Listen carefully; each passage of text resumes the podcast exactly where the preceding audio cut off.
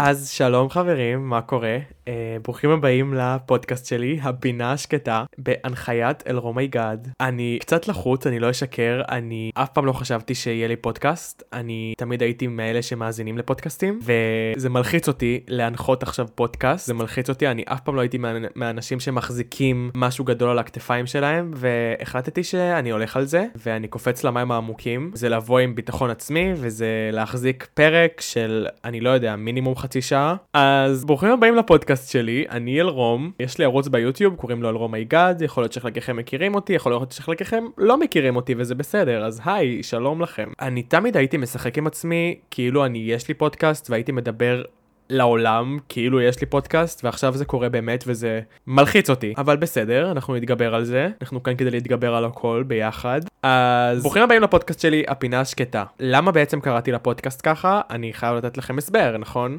אז אני תמיד הרגשתי מגיל ילדות שאני מהילדים האלה שתמיד בפינה. אה, מהילדים האלה שתמיד בצד, מהילדים האלה שלא מתבלטים יותר מדי, ואני חושב שמי שמכיר אותי מהמדיות החברתיות יכול גם לראות את זה שאני בדרך כלל, רוב הקריירה שלי במרכאות, לא הייתי מאותם אנשים שבאמת באים ובולטים. כן היה לי תקופה לא יותר מדי ארוכה שבלטתי אה, והייתי מין כוכב, אבל רוב הזמן שהייתי באינטרנט אני לא הייתי מהאנשים שנוהגים לבלוט, ולא הייתי מהאנשים שעושים עליהם כותרות בישראל בידור, ובאמת אני לא בן אדם שיותר מדי בולט. בולט. אז לכן החלטתי לקרוא לזה הפינה השקטה, כי אני רוצה שזה יהיה מקום לכולם, ושזה ירגיש לכם כמו פינה שקטה שאתם יכולים לבוא, להירגע בה, ופשוט uh, לעשות את מה שאתם רוצים לעשות, אם זה, אני לא יודע, לעשות הליכה, לשטוף כלים, לנהוג, אם יש פה כאלה שנוהגים אז מגניב, uh, אני מאוד אוהב לשמוע פודקאסטים כשאני נוהג. Uh, וכן, אני רוצה שזאת תהיה פינה שקטה, אה, פינה נחמדה לברוח אליה. אוקיי, אז היום אנחנו מדברים על למה אני בעצם מודל ל-2020, סלש למה באמת נעלמתי ב-2020 למי שהיה עוקב שלי בעבר. אז אני חושב שאני דווקא רוצה להתחיל מהסוף, אני רוצה להתחיל באיזושהי נימה חיובית, ואני גם רוצה לתת אזהרת טריגר. אני מצטער מראש, אבל כן אני אתן אזהרת טריגר להפרעות אכילה, דיכאון, חרדות, אה, וכמובן שלא כל הפרקים שלי יתעסקו בנושאים האלה, אני אנסה ממש גם להתעסק בנושאים יותר חיוביים, אה, ולאו דווקא לגעת בנושאים קשים, אבל אני צריך לדבר על הנושאים האלה בפרק הזה כדי לתת לכם את התמונה המלאה. אז אני נותן לפני זה אזהרת טריגר לאנשים שזה פחות נעים להם לשמוע על הדברים האלה. אני לגמרי מבין אתכם, אני הייתי במקום הזה, וזה בסדר גמור אם אתם, קשה לכם לשמוע על הנושאים האלה, אני פשוט לא רוצה להבהיל אתכם עם הנושאים האלה פתאום, בלי שציפיתם לזה, אז אני שם לכם אזהרת טריגר, אוקיי? אז בואו נתחיל מהסוף, שזה בעצם עכשיו. בואו נדבר על 2021, ובואו נדבר על מה קורה איתי כרגע, ב-2021. בואו אני אגיד לכם איזה דברים הצלחתי להשיג ב-2021, ב-20 יום שהיו ב-2021, כי היום ה-20 לראשון. בואו נתחיל. אני בעצם ב-2021 התחלתי להעריך את עצמי יותר, אוקיי? התחלתי להעריך את עצמי יותר, הבנתי שיש לי ערך כלשהו, אה, הפסקתי בעצם ליפול לכל גבר שפשוט אומר לי היי, אה, ובאמת להבין שיש לי איזשהו ערך, לא רק עם גברים, אני, אני בכלל אם אתם מכירים אותי, גברים זה לא חלק גדול מהחיים שלי, אני לא נותן להם יותר מדי מקום, כן היו תקופות, ואולי אני אעשה על זה פרק בפודקאסט, שבטוח אני אעשה על זה פרק בפודקאסט, אה, שגברים שלטו לי על החיים, אבל אני באמת לא מהאנשים האלה שנותן לגברים לשלוט להם על החיים, ואני לא מאותם אנשים שנכנסים לטיק טוק, רואים איזושהי בדיחה על ה crush ומזדהים, למי שבאמת מכיר אותי, אני באמת לא מסוג האנשים האלה, אבל כן, התחלתי להעריך את עצמי יותר, התחלתי לאכול בריא יותר, התחלתי להתאמן, התחלתי לנשום יותר, וכן, אני אפרט על זה בהמשך. והבנתי סוף סוף, חברים, מה זה ביטחון עצמי. אחרי כל השנים האלה שניסיתי בעצם לפענח מה זה. אני חשבתי שביטחון עצמי היה, אני לא יודע, להתלבש יפה ולעשות טיק טוק, אה, או לא יודע מה, להעלות תמונה לאינסטגרם שלך, שכזה כולך מרגיש חתיך או משהו כזה, אבל אני חושב ש... אפשר להבין מה זה ביטחון עצמי רק כשבאמת יש לך ביטחון עצמי. Uh, היו תקופות שהייתי בטוח שיש לי ביטחון עצמי, אבל בכלל לא היה לי ביטחון עצמי, וסוף סוף ברגע שהגעתי למקום הזה, שאני עכשיו, הבנתי באמת איך זה מרגיש, ומה זה באמת ביטחון עצמי, שזה מטורף. אני רוצה להגיד לכם שהתחלתי היום לעבוד, אוקיי? התחלתי לעבוד היום, בנוסף ליוטיוב, בנוסף לכל מה שאני עושה במדיות החברתיות, התחלתי לעבוד. אה, אני כרגע, בואו אני אספר לכם סוד רק למאזיני הפודקאסט, אני כרגע סורק בגרויות. מצאתי עבודה קרובה לבית בתור סורק בגרויות, שכרגע זה עבודה זמנית, וזה כסף סבבה לגמרי. Uh, כסף זה משהו מאוד חשוב בגיל שלי, אני בן 22 כרגע. אז uh, הבנתי שאני צריך לעשות כסף, והתחלתי לעבוד בתור סורק בגרויות. ואני לא יודע, כאילו, הרגשתי שם, כי הרבה זמן לא הייתה לי אינטראקציה עם אנשים. אז סוף סוף הרגשתי שאני בסביבת אנשים ויש לי ביטחון עצמי ואני יכול ללכת לאנשים, להגיד מה שבא לי, כמובן בצורה מנומסת, כי אחרי הכל אני, אני יודע שאני בן אדם די מנומס, משתדל לפחות, לא יודע, זה הערכים שגדלתי עליהם. אז באמת, פתאום התחלתי להבין מה זה ביטחון עצמי, ואני הולך שם, נכנס לעבודה היום, ופשוט לא היה לי אכפת. לא היה לי את הכובד הזה שתמיד היה לי על הכתפיים. יכולתי לנשום נורמלי, יכולתי לדבר עם כולם.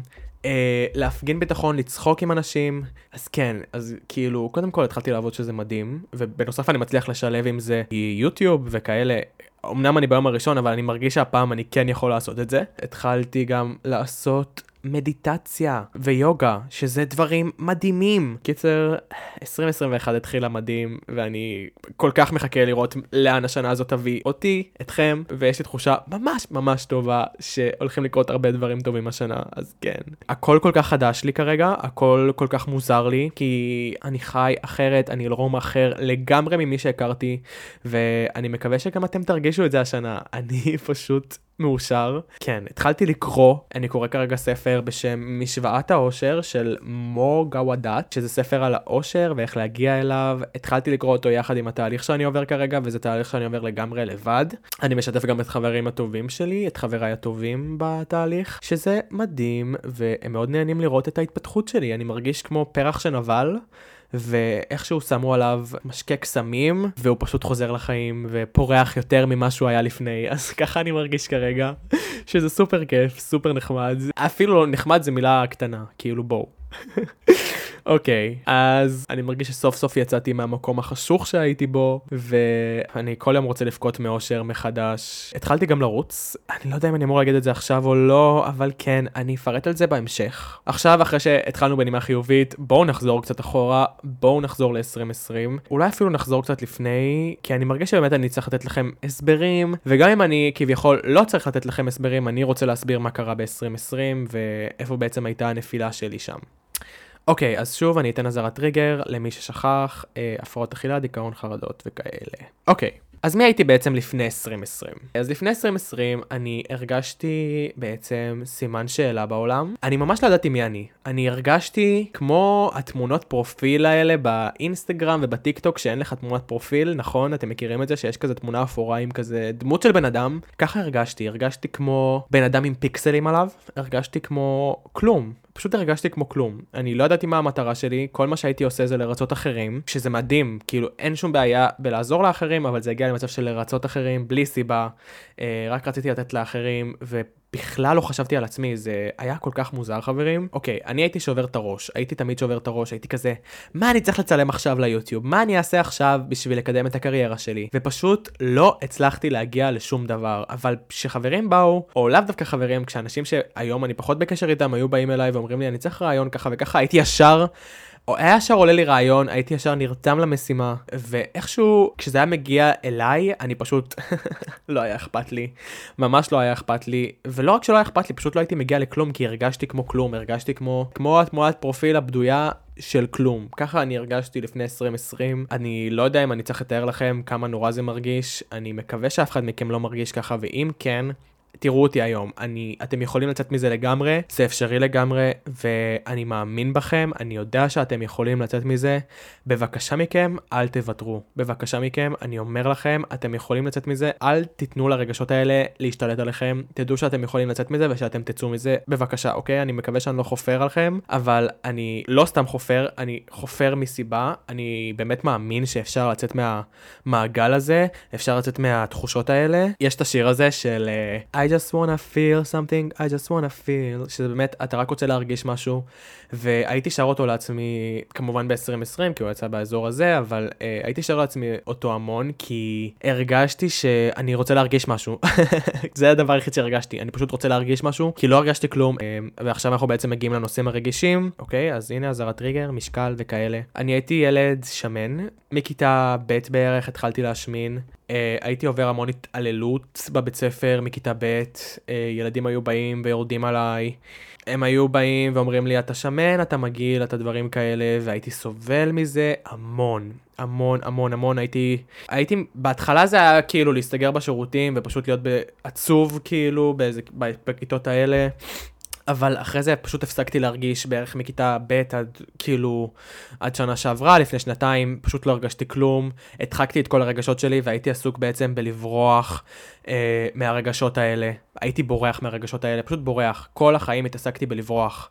לא התמודדתי פנים אל פנים עם הרגשות שלי, ובאמת הייתי עסוק בלרוץ, לברוח, להתעלם. לא רציתי להתעסק בדברים האלה. ו... אחרי זה התגייסתי לצבא, שזה יהיה פרק בפני עצמו. על כל חוויית הצבא שלי אני עומד לפתוח הכל, ויש לי המון המון מה לספר לכם, כי אני יודע שאתם לא יודעים כלום על מה שקרה באמת בצבא שלי. כל מה שהרגשתי, אה, שם בעצם כביכול הרגשתי שחטפתי כל כך הרבה מכות נפשית. אני הייתי במקום בין הנמוכים בחיים שלי. כן, ירדתי 20 קילו בצבא, שזה כביכול מדהים, אבל אני חושב שלמרות שירדתי 20 קילו, עדיין לא מצאתי את עצמי למרות זאת. והרבה אנשים חושבים לעצמם שאם הם ירדו עכשיו במשקל, הם ימצאו את עצמם, וזהו, והחיים מדהימים. ואני יודע שזה נשמע לכם קלישאה, ואני מבקש שתנסו רגע לפתוח את האוזניים, ואת הלב, ואת המוח, ו... אני אגיד לכם את זה ככה, אם אתם לא עובדים על עצמכם מבפנים, ואתם רק עובדים על עצמכם מבחוץ ויורדים במשקל, זה נחמד והכל, כביכול, לכמה רגעים. אני אומר לכם, אם אתם לא תמצאו את עצמכם באמת, ואם אתם לא תתעסקו במה שמפריע לכם באמת, ואני אומר לכם שזה לא המשקל דווקא, וזה יכול להיות המשקל, אני לא שולל את זה, אתם לא תמצאו את עצמכם, ואתם תיכנסו לאותה ספירלה מיד אחרי שתרדו במשקל, זה לא משנה. אתם צריכים להיכנס עמוק, לראות מה הבעיות שלכם, ולהתמודד איתם, ולהסתכל עליהם פנים אל פנים, ולהראות להם שאתם לא מפחדים מהם, ולא לברוח, לא לברוח מהרגשות האלה, כי אני ירדתי 20 קילו, ועדיין הרגשתי שאני במקום שחור עדיין, והייתי בהלם, כי הייתי בטוח שאחרי שאני ארד 20 קילו, החיים באמת יהיו מושלמים, אבל הם לא היו מושלמים אחרי שירדתי 20 קילו.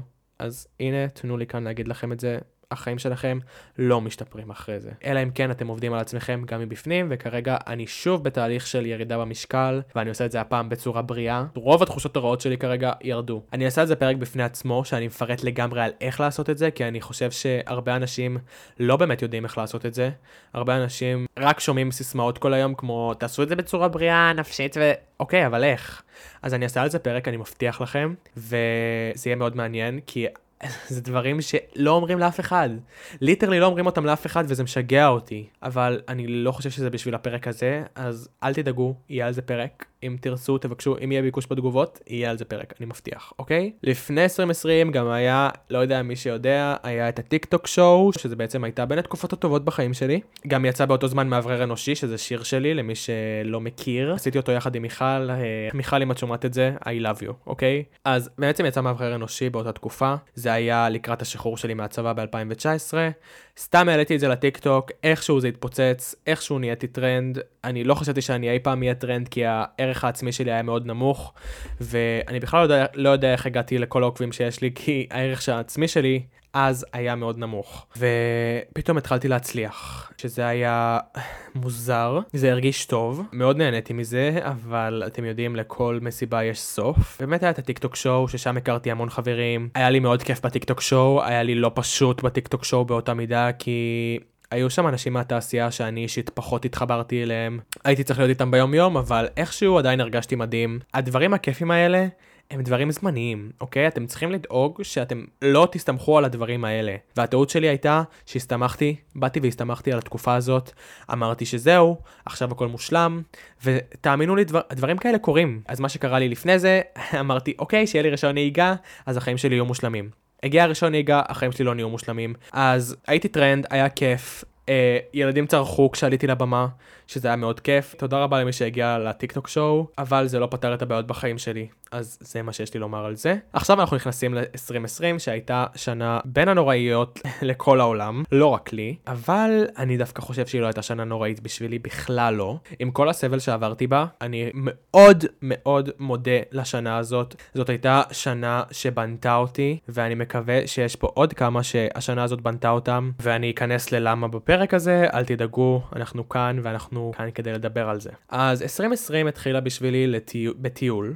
אוקיי, מיד אחרי הטיקטוק שואו, אה, ממש יומיים שלושה אחרי הטיקטוק שואו, אני ארזתי מזוודה וטסתי לאבא שלי, שמי שלא יודע, אבא שלי גר בתאילנד, והכל היה בסדר, עדיין לא הייתה קורונה, הקורונה לא הייתה קיימת באותה תקופה. לא היו דאגות, כולם היו בטוחים ש-2020 תהיה השנה הכי מדהימה של החיים שלהם, ואני אף פעם לא הייתי מהאנשים האלה שבתחילת שנה אומרים, עכשיו יהיה לי מדהים, אני אף פעם לא, לא האמנתי שיהיה לי מדהים, לא חשבתי שיהיה לי מדהים, התחלתי את 2020 נטול ציפיות. ציפיות לגמרי, לא היה לי שום ציפיות מהשנה הזאת. באמת טסתי לאבא שלי, שם התחיל במרכאות ההידרדרות של השנה, אוקיי? יש לי סבא וסבתא שגרים בניו זילנד, למי שלא מכיר את ניו זילנד, צולם שם ההוביט, שר הטבעות, וזה ממש ממש צמוד לאוסטרליה. טסנו לסבא וסבתא שלי.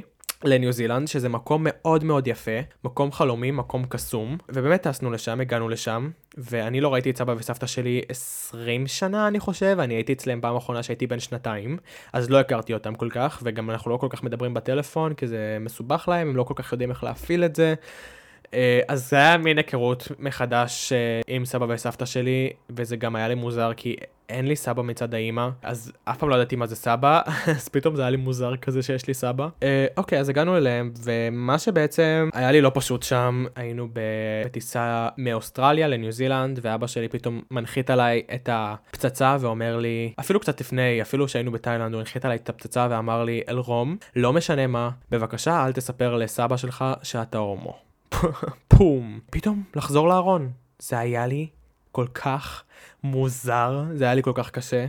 הרגשתי נורא אה, עם העובדה הזאת שאני צריך לחזור לארון מול קרוב, קרוב משפחה שלי, שאני התרגלתי שאני יוצא, כאילו שאני מחוץ לארון מול כל קרובי המשפחה שלי, שזה היה כל כך קשה. ואני כאילו, אבא, מה לעזאזל, אני לא יכול לעשות את זה, והוא אומר לי, אל תעשה את זה, הוא לא יאהב אותך. והגענו לשם, עליתי לחדר שלי, יש לי את זה גם מצולם בוולוג למי שרוצה לראות את החלק הזה שאני מדבר על זה, שאני פשוט עולה לשירותים ומתפרק. פתאום להסתיר את זה, להיכנס לארון, זה הייתה, זאת הייתה הפצצה הראשונה שלי ב-2020, והייתי צריך לבלות שם שלושה שבועות, שזה המון זמן. בכל מקרה, סבא שלי, אה, הגעתי לשם והייתי באיזשהו הלם תרבות כזה, הלם מעצמי, שאני פתאום צריך להיכנס לארון. אני אגיד לכם את זה ככה, להיות הומו זה לא חלק גדול ממני, סבבה? כמובן שזה לקח לי המון שנים מהחיים להיות בארון, אז כן, זה איזשהו חלק גדול מהחיים שלי, אבל ביום יום כיום, אני לא מדבר על זה כל כך. אני גם מאוד משתדל לא לדבר על זה בתוכן שאני מעלה, אה, כי אני חושב שזה לא צריך להיות כזה חלק גדול מהחיים שלי. אני לא נותן לזה יותר מדי חשיבות, סך הכל זה שאני אוהב גברים, זה לא חלק גדול מהחיים שלי, יש כל כך הרבה מעבר לחיים מאשר לאהוב גברים. ואני מנסה לא להסתכל על זה, ולא, מה זה מנסה? אני פשוט לא מסתכל על זה כי זה לא מעניין אותי. אני רואה את זה בתור משהו רגיל לגמרי, ואני לא נותן לזה יותר מדי חשיבות. אבל פתאום להיכנס לארון, ופתאום התחלתי לחשוב על זה, זה הטריד אותי מאוד, זה הטריד את המחשבות שלי מאוד, וזה... זאת הייתה הנחתה. ושוב, לחשוב שאני צריך להיות שם שלושה שבועות, להסתיר את הזהות שלי, לא לדבר איתם, ופתאום אני יורד למטה בבוקר יום אחרי זה, וסבא שלי שואל אותי, יש לך חברה? הוא כזה, do you have a girlfriend? במבטא בריטי, ואני כזה, no. כאילו אמרתי לו, לא, אין לי חברה. Uh, וזה הרגיש לי כמו שקר לבן, כי באמת אין לי חברה, אבל מצד שני, אה, בעצם אין לי חבר, זה לא אין לי חברה, שאלת את השאלה לא נכון, תנסח אותו שוב. אז זה אספקט ראשון ללמה היה לי קשה בתחילת 2020, אבל עוד סיבה שהיה לי קשה זה כי אזהרת טריגר, אוכל, הייתי חושב על אוכל המון. באובססיביות, זה היה רע. אה, ושוב, אזהרת טריגר, אה, הפרעות אכילה אוקיי? אז מה שעשיתי כשטסתי לתאילנד, אני לא דיברתי על זה אף פעם, וזה מוזר לי שאני מדבר על זה, כי לא חשבתי שאני אי פעם מגיע לדבר על זה. אני בעצם לקחתי איתי את המשקל לאוכל, איתי עד לתאילנד, אה, והייתי שוקל הכל, הייתי סופר קלוריות באותה תקופה, ספרתי קלוריות באובססיביות, הייתי שוקל כל דבר.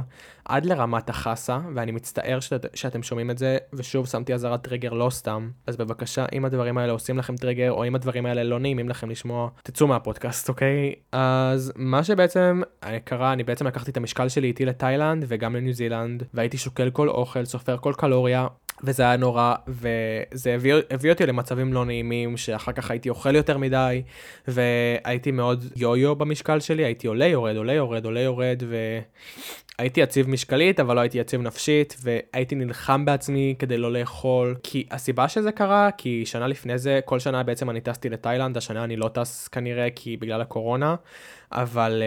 Uh, שנה לפני זה עליתי 8 קילו בשלושה שבועות, וזה לגמרי הרס אותי. אה, אני לא, אני טסתי 70 קילו, חזרתי 78 קילו, וזה הרס אותי לגמרי. הרגשתי כמו שקית זבל, ושוב, סליחה שאתם שומעים את זה. אני יודע שזה נושא רגיש, סליחה. אוקיי, אז בעצם, בגלל זה למה טסתי עם המשקל שלי באותה שנה, רציתי להיות מאוזן, אבל זה בעצם פגע בי יותר להמשך 2020, וגם החוויה שלי בניו זילנד הייתה נוראית בגלל זה, שזה בעצם מקום שהיום הייתי מאוד נהנה ממנו. אני יודע שאלרום של עכשיו היה מאוד נהנה שם, אבל אלרום של 2020 מאוד סבל שם. אני בעצם, אה, כל יום היינו עושים ארוחה בניו זילנד, היינו אוכלים סטייקים, היינו אוכלים עופות, ומה ששיגע את סבא וסבתא שלי מאוד, כמובן כי הם מבוגרים והם פחות מכירים את הנושא של הפרעות אכילה, זה שאני הייתי שוקל הכל, שוב, עד לרמת החסה, עד לרמת המשקאות שהייתי שותה, הכל, הכל, הכל, וזה שיגע אותם, כי כל ארוחה, לא משנה איזה ארוחה, הם היו רואים אותי עם המשקל הזה, והם היו מתחרבנים, ואני מבין אותם עכשיו, אבל כמובן שאם הייתי רואה מישהו במצב הזה, לא הייתי מגיב ככה, אבל זה בסדר, הם מבוגרים והם פחות מבינים בנושאים האלה, אז הכל טוב. אני גם, אני בעצמי השתגעתי. אני בעצמי השתגעתי מכל החוויה. הייתי עולה לחדר בערב ופשוט נאבק עם עצמי, כי סבתא שלי הייתה מכינה עוגיות. היא הכינה את העוגיות הכי טעימות בעולם, זה נקרא short bread, זה עוגיות חמאה כאלה, ממש טעימות, ובלילה הייתי ממש נאבק בעצמי. אלרום, אל תרד למטה לאכול את העוגיות. כולם ישנים והייתה לי את האופציה, ובסוף היו ימים שהצלחתי לא לאכול, היו ימים שהייתי אוכל חמש עוגיות בלילה, והייתי ממש אחרי זה, אחרי שאני אוכל את העוגיות, עולה, מרגיש נורא, ושוב זה היה לופ שלא נגמר, וכמובן שזה המשיך ל-2020 הלאה, וכל כך מוזר לי שאני מדבר על זה עכשיו, כי שוב, חשבתי שאני בחיים לא אדבר על הנושאים האלה. זה לגבי זה, אה, אני גם לא רוצה לחפור על זה יותר מדי, כי זה נושא רגיש וטריגרי. אני אדבר על עוד דבר שהיה לי קשה שם, זה לבלות עם המשפחה שלך למשך שלושה שבועות. אה, עכשיו אני אפרט. עכשיו אנחנו נכנסים לקורונה טיים, בעצם כשהגענו לניו זילנד, אה, פתאום התחיל החדשות על קורונה, התחיל חדשות שיש נגיף, וזה היה בדיוק ש... בדיוק ביום שנחתנו שם. בין הטיסות התחילו לדבר על זה, אולי קצת לפני הטיסה לניו זילנד התחילו לדבר על זה, וזה הכניס את אבא שלי לפאניקה, בגלל הבת שלו. הוא רצה לראות את הבת שלו, ופתאום התחילו לדבר על uh, להפסיק טיסות, שזה פשוט חירפן את אבא שלי, מתחילת החוויה עד סוף הטיול לניו זילנד. אבא שלי פשוט התחרפן, ואבא שלי עם ההורים שלו, הוא פשוט... פורק להם הכל, וזה מאוד הפריע להם לשלווה שלהם, כי הם אנשים מבוגרים, ולי זה גם מאוד הפריע לשלווה שלי, כי הייתי צריך להתעסק תוך כדי עם זה שסבא שלי הומופוב, עם זה שיש לי הפרעת אכילה, ואני מאוד סובל, אמ, ועם זה שאני מאוד התגעגעתי לחברים שלי בתקופה הזאת, אז היה לי כל כך הרבה דברים על הראש, ולא ידעתי איך לשחרר אותם בתקופה הזאת. היום אני יודע איך לשחרר את זה, והיום הייתי מתמודד עם זה כמו מלך, אבל באותה תקופה לא יכולתי להתמודד עם זה כמו מלך, התמודדתי עם זה כמו בן אדם מסכן, אבל זה בסדר. אני לא מתחרט על זה, זה מה שבנה אותי בסופו של דבר. אז כן, אבא שלי התחרפן, התחילה קורונה, כל העולם השתגע, זה היה בסוף ינואר כזה, לי היה מאוד קשה עם זה. מה שכן הציל אותי, בואו אני אדבר איתכם על מה שהציל אותי בטיול הזה לניו זילנד. מה שהציל אותי בטיול הזה זה דודה שלי. יש לי דודה, קוראים לה ג'וסלין, שאוט אאוט לג'וסלין, אם את שומעת את זה, את בחיים לא שומעת את זה כי את לא יודעת עברית. אז יש לי דודה בשם ג'וסלין, היא מתוקה ברמות. כאילו, תאמצי אותי, באמת. אני כל כך אוהב אותך, ג'וסלין. היא הצילה אותי. ג'וסלין הייתה לוקחת אותי להליכות. אני וג'וסלין היינו עושים הליכות. היא, היא גרה בעיר אחרת בניו זילנד, אז היא הייתה צריכה לטוס כדי uh, לבוא לבקר, והיא באה לבקר לאיזה שבועיים. בואנה, אני מתגעגע אליה, אני ארשום לעצמי עכשיו לשלוח לה הודעה ולהגיד לה כמה אני מתגעגע אליה. כמובן שהיא לא שיפרה ב-100% את המצב, אבל היא שיפרה אותו לפחות ב-70%. אני סיפרתי לג'וסלין שאני הומו, והיא פשוט הקשיבה. היינו עושים טיולים, הניו זילנדים מאוד נחמדים, רק שתדעו. היינו הולכים שם על הטיילת, וכזה אנחנו רואים ניו זילנדי ממוצע, ואומרים לו, hello, good morning, והוא כזה, הלו, וכולם אומרים שלום אחד לשני, ולא מתעלמים מהקיום אחד של השני, כמו שעושים ברוב העולם. שיש שם כזאת אחווה בין אחד לשני ואנשים כל כך אדיבים אחד לשני שזה מדהים לראות את זה. זה כל כך מוזר. היא הייתה צריכה לשכנע אותי בהתחלה כזה יאללה כאילו come on, say hello to these people תגיד שלום לאנשים האלה. והייתי אומר להם שלום וזה היה ממש מוזר אבל הרגיש ממש טוב בו זמנית והיום לגמרי הייתי נהנה מזה אני בטוח בזה. אז כן סוף סוף הגיע סוף הטיול היה לי מאוד רכבת הרים אבל סך הכל נהניתי מאוד אה, שמחתי לראות את סבא וסבתא שלי עם כל הקשיים והכל. אה, היה שם אוכל טעים סך הכל, וחבל שלא יכולתי ליהנות ממנו יותר בגלל הבעיות עם האוכל. וכן, אז אחרי זה חזרנו לתאילנד, וכמה ימים אחרי זה אמרו בחדשות שהמון ישראלים נתקעו בניו זילנד. אז כן, המון ישראלים נתקעו שם, כי באמת הפסיקו את הטיסות ממש ימים ספורים אחרי שחזרנו, אפילו יום אחרי, אני לא יודע כמה זמן אחרי, וניצלנו לגמרי, אבא שלי כאילו הרגיש סוף סוף רגוע ואמרתי לו את הדבר הרגיל שאני תמיד אומר לו, אמרתי לך, טולדיה, טולדיה, טולדיה, תמיד הוא נכנס לפאניקות על כל מיני דברים, ואני אומר לו, אמרתי לך, זה משהו שקורה הרבה ביני לבין אבא שלי, אה, שזה די מצחיק. אז עכשיו אנחנו מדברים על החזרה לארץ לבידוד. אני כשהגעתי לארץ הייתי צריך להיכנס לבידוד כי באותה תקופה זה היה באזור מרץ, כל האנשים שחזרו מתאילנד היו צריכים בידוד וזה היה מוזר כי האנשים שחזרו מאיטליה לא היו צריכים בידוד, אה, שזה לא היה ברור למה, ודווקא כל המקרה קורונה שבאו לארץ היו מאיטליה ולא מתאילנד, אז לא כל כך ברור לי למה זה קרה, אבל אוקיי, הרגשתי נורא עם זה, אבל הכל טוב, זה היה תחילה של מגפה ושום דבר לא היה ברור בעולם, אז אני מקבל את זה לגמרי, והכל טוב. אני כבר לא, אני כבר לא בוכה על העבר שלי. אז כן, אה, הייתי אה, בבידוד 14 יום, וכולם התרחקו ממני. היה מקרה אפילו שירדתי למטה לזרוק זבל, אני חושב, ואח של חברה ראה אותי במעלית, והוא היה משקית ביסלי, ואני כזה, אפשר ביסלי? והוא כזה, רגע, אתה לא חזרת מתאילנד, הוא הביא לי ביסלי, ואז הוא כזה, רגע, אתה לא חזרת מתאילנד הרגע? ואני כזה, כן, ואז הוא פשוט זרק עליי את השקית ביסלי וברח. הוא פשוט ברח. הוא נס על נפשו, ואני זוכר שכל כך נעלבתי, הרגשתי מנודה ברגע הזה, כי שוב, זה היה דבר חדש בארץ, ואני בטוח שהיום לאנשים לא אכפת אם עושים להם את זה, וגם היום הרבה פחות עושים את זה, אני מניח, אבל uh, כן, אנשים התייחסו אליי כמו עב"ם, וזה פסיכולוגית חירפן אותי, כי שוב, זה היה דבר חדש, ואף אחד לא חווה את זה חוץ ממני, אני הייתי בין היחידים שעברו בידוד ראשונים, ובאמת, כולם התייחסו אליי כמו עב"ם, והרגשתי נורא, והייתי בכזה פרשת דרכים בחיים שלי, לא ידעתי לאן אני הולך כרגע, ולא ידעתי כל כך מה לעשות עם החיים שלי, הרגשתי מאוד לבד, ירד לי מאוד המצב רוח בגלל הבעיות עם האכילה ודברים כאלה, ירד לי מאוד המצב רוח לייצר תוכן ליוטיוב, שם זה בעצם הנקודה שהתחיל לרדת לי המצב רוח, שם זה בעצם הנקודה שפתאום לא רציתי לעשות יוטיוב כל כך, והייתי בפרשת דרכים בחיים שלי ולא ידעתי כל כך מה לעשות. אז מה שהחלטתי לעשות, אני אמרתי, אוקיי, יש לי בעיות עם אוכל, אני צריך לתקן אותם, אני צריך מערכת יחסים טובה עם אוכל, איך אני אעשה את זה? אני אתחיל להכין אוכל. אני אתחיל להכין אוכל בבית, אני אפסיק לאכול מזון מעובד, ואני אתחיל לאפות אולי, אולי זו הזדמנות טובה, אולי הבידוד הזה, אולי המצב הזה הוא בעצם הזדמנות טובה להתחיל לעשות משהו עם אוכל, להתחיל לאפות, להפסיק לשרוף טוסטים. אז החלטתי שאני מתחיל לאפות, אמרתי, אני משתמש במשקל לאוכל למטרה לא טובה, אז בוא אני אשתמש בו למטרה טובה, אני אתחיל לשקול קמח, להתחיל לשקול מים, להתחיל לשקול שמרים, ובאמת התחלתי, אה, פתחתי את האינטרנט והתחלתי ללמוד איך לאפות. תוך כדי אני מאבד הרבה חברים ומאבד את עצמי באותה מידה. באמת התחלתי לאפות וזה הציל אותי. איכשהו, עם כמה שלא הייתה לי מודעות לכלום, להתחיל לאפות פשוט הציל אותי, הציל את החיים. למדתי פתאום להתעסק עם בצקים, וגם זה לא היה לו פשוט, גם זה היה לא פשוט, אבל מאוד נהניתי מהאתגר. רציתי להכין פיצות, ששוב, זה אוכל שכביכול הוא משמין ולא בריא ובלה בלה בלה, אבל העובדה שניסיתי את זה פשוט עשתה לי טוב על הלב. וגם יש לי הקלטות שלי, בוכה לחברה שלי שאני פשוט ניסיתי להכין בצק והוא לא טפח. בואו אני אשמיע לכם את זה, זו הקלטה מאוד מצחיקה. זרקתי מלא בצק. אוף. אוף, סליחה שאני מקליט לך שאני בוכה. כן, אז בכיתי כי זרקתי מלא בצק של פיצה, וזה היה המון ניסוי וטעייה להתחיל לאפות, אבל מאוד נהניתי מזה. ולא יודע, משהו בראש שלי לא נתן לי לוותר על זה. פשוט לא ויתרתי הפעם.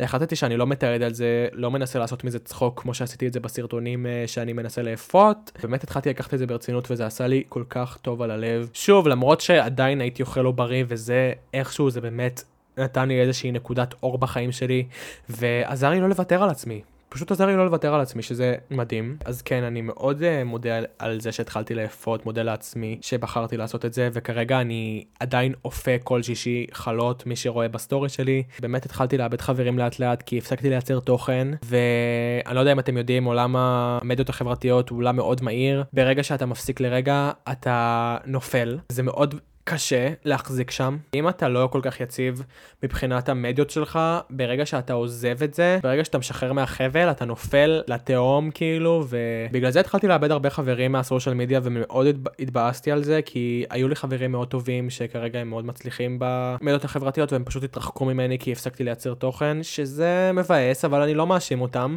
סך הכל, עכשיו שאני חזרתי ל social media הבנתי שבאמת uh, צריך להקיף את עצמך באנשים רציניים, וזה, אני לא כועס על אף אחד. אחד מהם, ואני כרגע אה, בונה את עצמי מחדש. אני פרח שנבל שחוזר לפרוח, אז לאט לאט אני מאמין שאני אחזור לעניינים והכל יהיה בסדר. אני בטוח בזה. אני מודה מאוד לאלה שלא ויתרו עליי. אני מודה לכם ממש לכל, אם אתם חברים שתודה רבה שלא ויתרתם עליי. אני לא רוצה להתחיל לבכות כאן, אבל כן. היו תקופות שפשוט קמתי בבוקר ופשוט לא רציתי כלום. חוץ מלאפות לא רציתי כלום. לא שאפתי כלום, וכל היום הייתי במיטה, טחנתי המון junk food, המון שוקולד. אה, אמא שלי קנתה באותה תקופה המון שוקולד מריר, היא עדיין קונה, אבל היום אני פחות uh, נוגע בזה, והייתי עומד מול המראה, מסתכל על עצמי בלי חולצה, נגעל מאוד מאוד oh my god, oh סליחה שצעקתי, אבל הייתי מאוד נגעל מעצמי בתקופה הזאת. הייתי מלקה את עצמי במראה, יורד על עצמי, פשוט נגעל מעצמי. שם הבנתי שאני צריך להתחיל לעשות כסף, כי התחיל לעזור לי הכסף, והתחלתי לעבוד בסופר כדי uh, לחסוך כסף, כי הבנתי שיוטיוב אני לא עומד לעשות, uh, ואני, אין לי שום מטרה בחיים, אז אני אלך למקום שפשוט יגידו לי מה לעשות, ואני אעשה משם כסף, כי אני לא מאמין בעצמי, ואני לא מאמין שאני יכול להתקדם בסושיאל מדיה, ואני חשבתי שאני כלום באותה תקופה. אז הלכתי לסופר, היה לי מוז... מוזר, כי הרגשתי כזה שאני מוריד מהכבוד שלי בתור יוצר תוכן שהיה בטופ, אני הולך ומוריד מעצמי, וקיצר, סליחה אם אתם שומעים את זה ואתם כזה איזה חש או משהו כזה, אבל כן, ככה הרגשתי באותה תקופה. משום מה היה, כאילו היה לי כיף, הכרתי שם חברים מדהימים, היינו עושים כל כך הרבה צחוקים בהפסקות, אני לא יודע, הרגשתי כזה כמו אנונימי פתאום, והיה לי מאוד כיף עם זה, היה לי מצחיק, וירדתי המון במשקל, כי הייתי הולך המון, הייתי הולך אה, 20 קילומטר ביום, הייתי עושה 40 אלף צעדים ביום, אז כן, כאילו, זה למה ירדתי במשקל. אבל אחרי חודשיים וחצי, שהיה לי מאוד כיף, אה, ועשיתי אחלה כסף, אני פרשתי כי פשוט נשברו לי הרגליים, והרגשתי שאני לא מממש את הפוטנציאל שלי בכלל, ואמרתי לבוסית שלי באות, באותו יום, זה היה יום ראשון אני חושב, וגם הרגשתי על הפנים, אמרתי לה, היי, אה, אני פורש, אני עוזב, אני רוצה לחזור ליוטיוב, כי ידע שאני יוטיובר, באמת עזבתי את המקום, ועוברים כמה ימים, אמרתי, טוב, אני צריך כמה ימים להחלים, כי הרגליים שלי נשברו, ירדתי 10 קילו שם, שזה הרגיש מדהים מצד אחד, אבל מהר מאוד חזרתי להרגלים הרעים שלי אה, ועליתי שוב במשקל, זה הרס אותי עוד יותר, לגמרי הוריד לי את המוטיבציה לחזור ליוטיוב, ולא באמת חזרתי ליוטיוב, ועכשיו גם אין לי עבודה, אה, כאילו לא הייתה לי עבודה, אז לגמרי נשארתי עם כלום. אה, הייתי בדיכאון, והמשכתי לאבד חברים, וזהו, כאילו לא קרה כלום בתקופה הזאת, זאת הייתה פשוט תקופה שחורה. Uh, הייתי קם בבוקר, עושה המון שנאצים, uh, שנאצים זה שנות צהריים למי שלא יודע, הייתי ישן בצהריים המון, תוך כדי שאני שומע מוזיקה עצובה, המון בילי אייליש. לפעמים אריאנה, אבל uh, המון בילי אייליש, שאתם באמת בטח מבינים כאילו לאיזה כיוון זה הולך. והמשכתי לאבד חברים שזה מבאס ברמות, גם הקפתי את עצמי באנשים שלא היו טובים בשבילי. והורידו אותי כל הזמן. איכשהו אחרי שלושה חודשים, אזור נובמבר, איכשהו הבנתי שאני, יש לי בעיה. ואני לא רוצה לאבד תקווה. אני לא רוצה לוותר על עצמי, אני לא מוכן לוותר על עצמי. ומה שתמיד הציל אותי, מה שתמיד עזר לי להכיר את עצמי, אפילו שהייתי מאוד לא מודע כביכול, זה פודקאסטים. פודקאסטים הצילו לי את החיים, חד משמעית. פודקאסטים ויוטיוב חד משמעית הצילו לי את החיים, כי דרך פודקאסטים הגעתי ל... להבנות על כל מיני בעיות בחיים שלי. הייתי שומע המון פודקאסטים על הפרעות אכילה, הם לא עזרו לי, כי שם לא, לא מצאתי את התשובה. פשוט לא מצאתי את התשובה. עדיין התקשיתי מאוד, לא הצלחתי להגיע לתשובה מה הבעיה שלי, למה אני לא מצליח לייצר תוכן, למה אני לא מצליח להתקדם בחיים שלי, למה אני לא מצליח לפתח את עצמי, למה אני תמיד במקום. תמיד הרגשתי במקום, לא משנה מה הרגשתי במקום. פתאום הגעתי למסקנה שאולי יש לי בעיות קשב וריכוז, שהייתי בטוח שכל החיים סבלתי מבעיות קשב וריכוז, והחלטתי ללכת לעשות אבחון, קבעתי תור לפסיכיאטר, הוא הפנה אותי לאבחון האבחון הבסיסי הזה שאתם עושים בבית ספר, אז הוא הפנה אותי לשם. והלכתי לעשות אבחון בסוף 2020, ממש לפני 3-4 חודשים, הלכתי ועשיתי אבחון, והייתי בטוח שאני צריך רטלין, ורטלין זה מה שיציל אותי. עשיתי את האבחון, אחרי האבחון קיבלתי המלצה לרטלין. וחבר מאוד טוב שלי אמר לי משפט שפשוט חדר לי לראש ואמר לי, אפשר לתקן כל בעיה בעצמך, אתה לא צריך שום עזרה מבחוץ, שיכול להיות שלחלקכם אולי זה לא נכון, אבל משהו מאוד גרם לי להאמין במשפט הזה, שאתה יכול לעזור לעצמך ואתה לא צריך אף אחד ושום דבר, בטח שלא כדורים, שאתה לא יודע מה יש בהם בכלל, אה, אתה לא צריך כלום. אתה צריך רק את עצמך, ואיכשהו המשפט הזה פשוט היה האור בקצה המנהרה שלי, אז היה לי תור לפסיכיאטר בשביל לקבל את הרטלין, ופתאום ביטלתי את התור. פשוט נכנסתי לאפליקציה של מכבי, כי זה היה דרך מכבי, וביטלתי את התור. ביטלתי את התור לפסיכיאטר, ולא יודע למה, משהו בתחושת בטן שלי אמר לי, תבטל את התור הזה, אתה לא צריך את הרטלין הזה.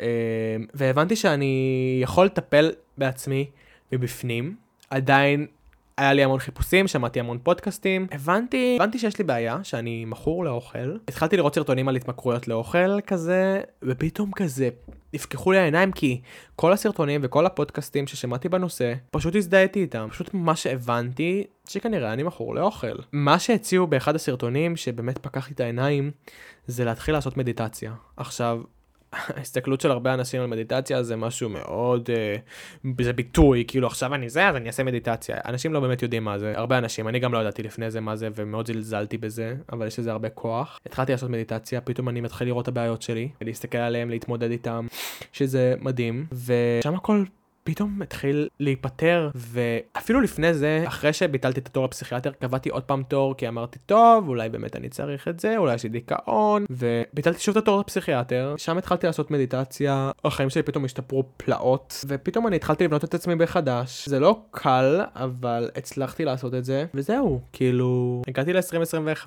והנה אני עכשיו, חזרתי לצלם ליוטיוב העליתי ולוג, אה, אני פעיל פתאום, אני מצליח לתפקד, שזה מדהים, והנה אני כאן, מרגיש הרבה יותר טוב, כל כך שמח על איפה שאני עכשיו, כל כך שמח על העבודה החדשה שלי. התחלתי להפעיל את הראש יותר, אני מרגיש שאני מתקדם ונהיה גרסה טובה יותר של עצמי מיום ליום, שזה מאוד מרגש לשמוע את עצמי אומר את המילים האלה, לשמוע את המשפטים האלה יוצאים לי מהפה. ואין מאושרים ממני כרגע, ואני סוף סוף הבנתי איך להיות מאושר, הבנתי את הסוד, שאני גם ממליץ לכם לראות מאוד את הסרט של הסוד. שהוא מדהים. וזהו חברים, אני חושב שאני אסיים כאן את הפרק בנימה מאוד חיובית, ואני אגיד גם לכם שאתם, אני מבטיח לכם שאני אפרט לכם בפרקים נפרדים על המון מהנושאים שדיברתי כאן. אני רוצה לעזור לכם. אני יודע שאתם יכולים לצאת מהמצב שאתם נמצאים בו עכשיו אם אתם נמצאים במצב פחות פשוט בחיים שלכם, ואני אוהב אתכם כל כך, אני מאמין בכל בן אדם שקיים בכדור הארץ, שהוא יכול לעשות שינוי, אני יודע את זה, אני פשוט יודע את זה, אין בי ספק, באמת. וזהו, אני חושב שאני אסיים פה את הפרק, חפרתי. תודה רבה למי שהקשיב, אם הקשבתם עד לכאן, תגיבו תקווה. או פתח תקווה, תגיבו פתח תקווה, ותגיבו בני כמה אתם, אני מעתיק ממיכל כאן, אז שאוט uh, אאוט למיכל על הרעיון, אני פשוט רוצה לשמוע מי הקשיב ובני כמה אתם. אז כן, חברים, תודה רבה שהקשבתם לפודקאסט שלי. אני מאמין בכל אחד מכם. אני יודע שאתם יכולים להגיע רחוק מאוד, כל אחד.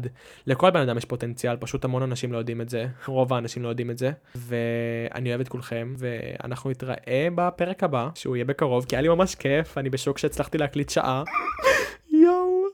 וכן, שיהיה לי בהצלחה בעבודה, אה, ובהצלחה ב- בכל החיים, וגם לכם. אנחנו נדבר בפרק הבא, חברים. I love you. אה, כן, קניתי את המיקרופון הזה. שכחתי לדבר על זה, אבל קניתי את המיקרופון הזה, במיוחד לפודקאסט, שזה היה צעד מאוד גדול בשבילי. אני פשוט קמתי בוקר אחד, ופשוט קניתי את המיקרופון הזה, אז כן, אני שכחתי לדבר על זה, ומאוד רציתי לדבר על זה. I love you guys, אנחנו ניפגש בפרק הבא של הפינה השקטה, ואני מקווה שנהנתם איתי כאן היום, בפינה השקטה.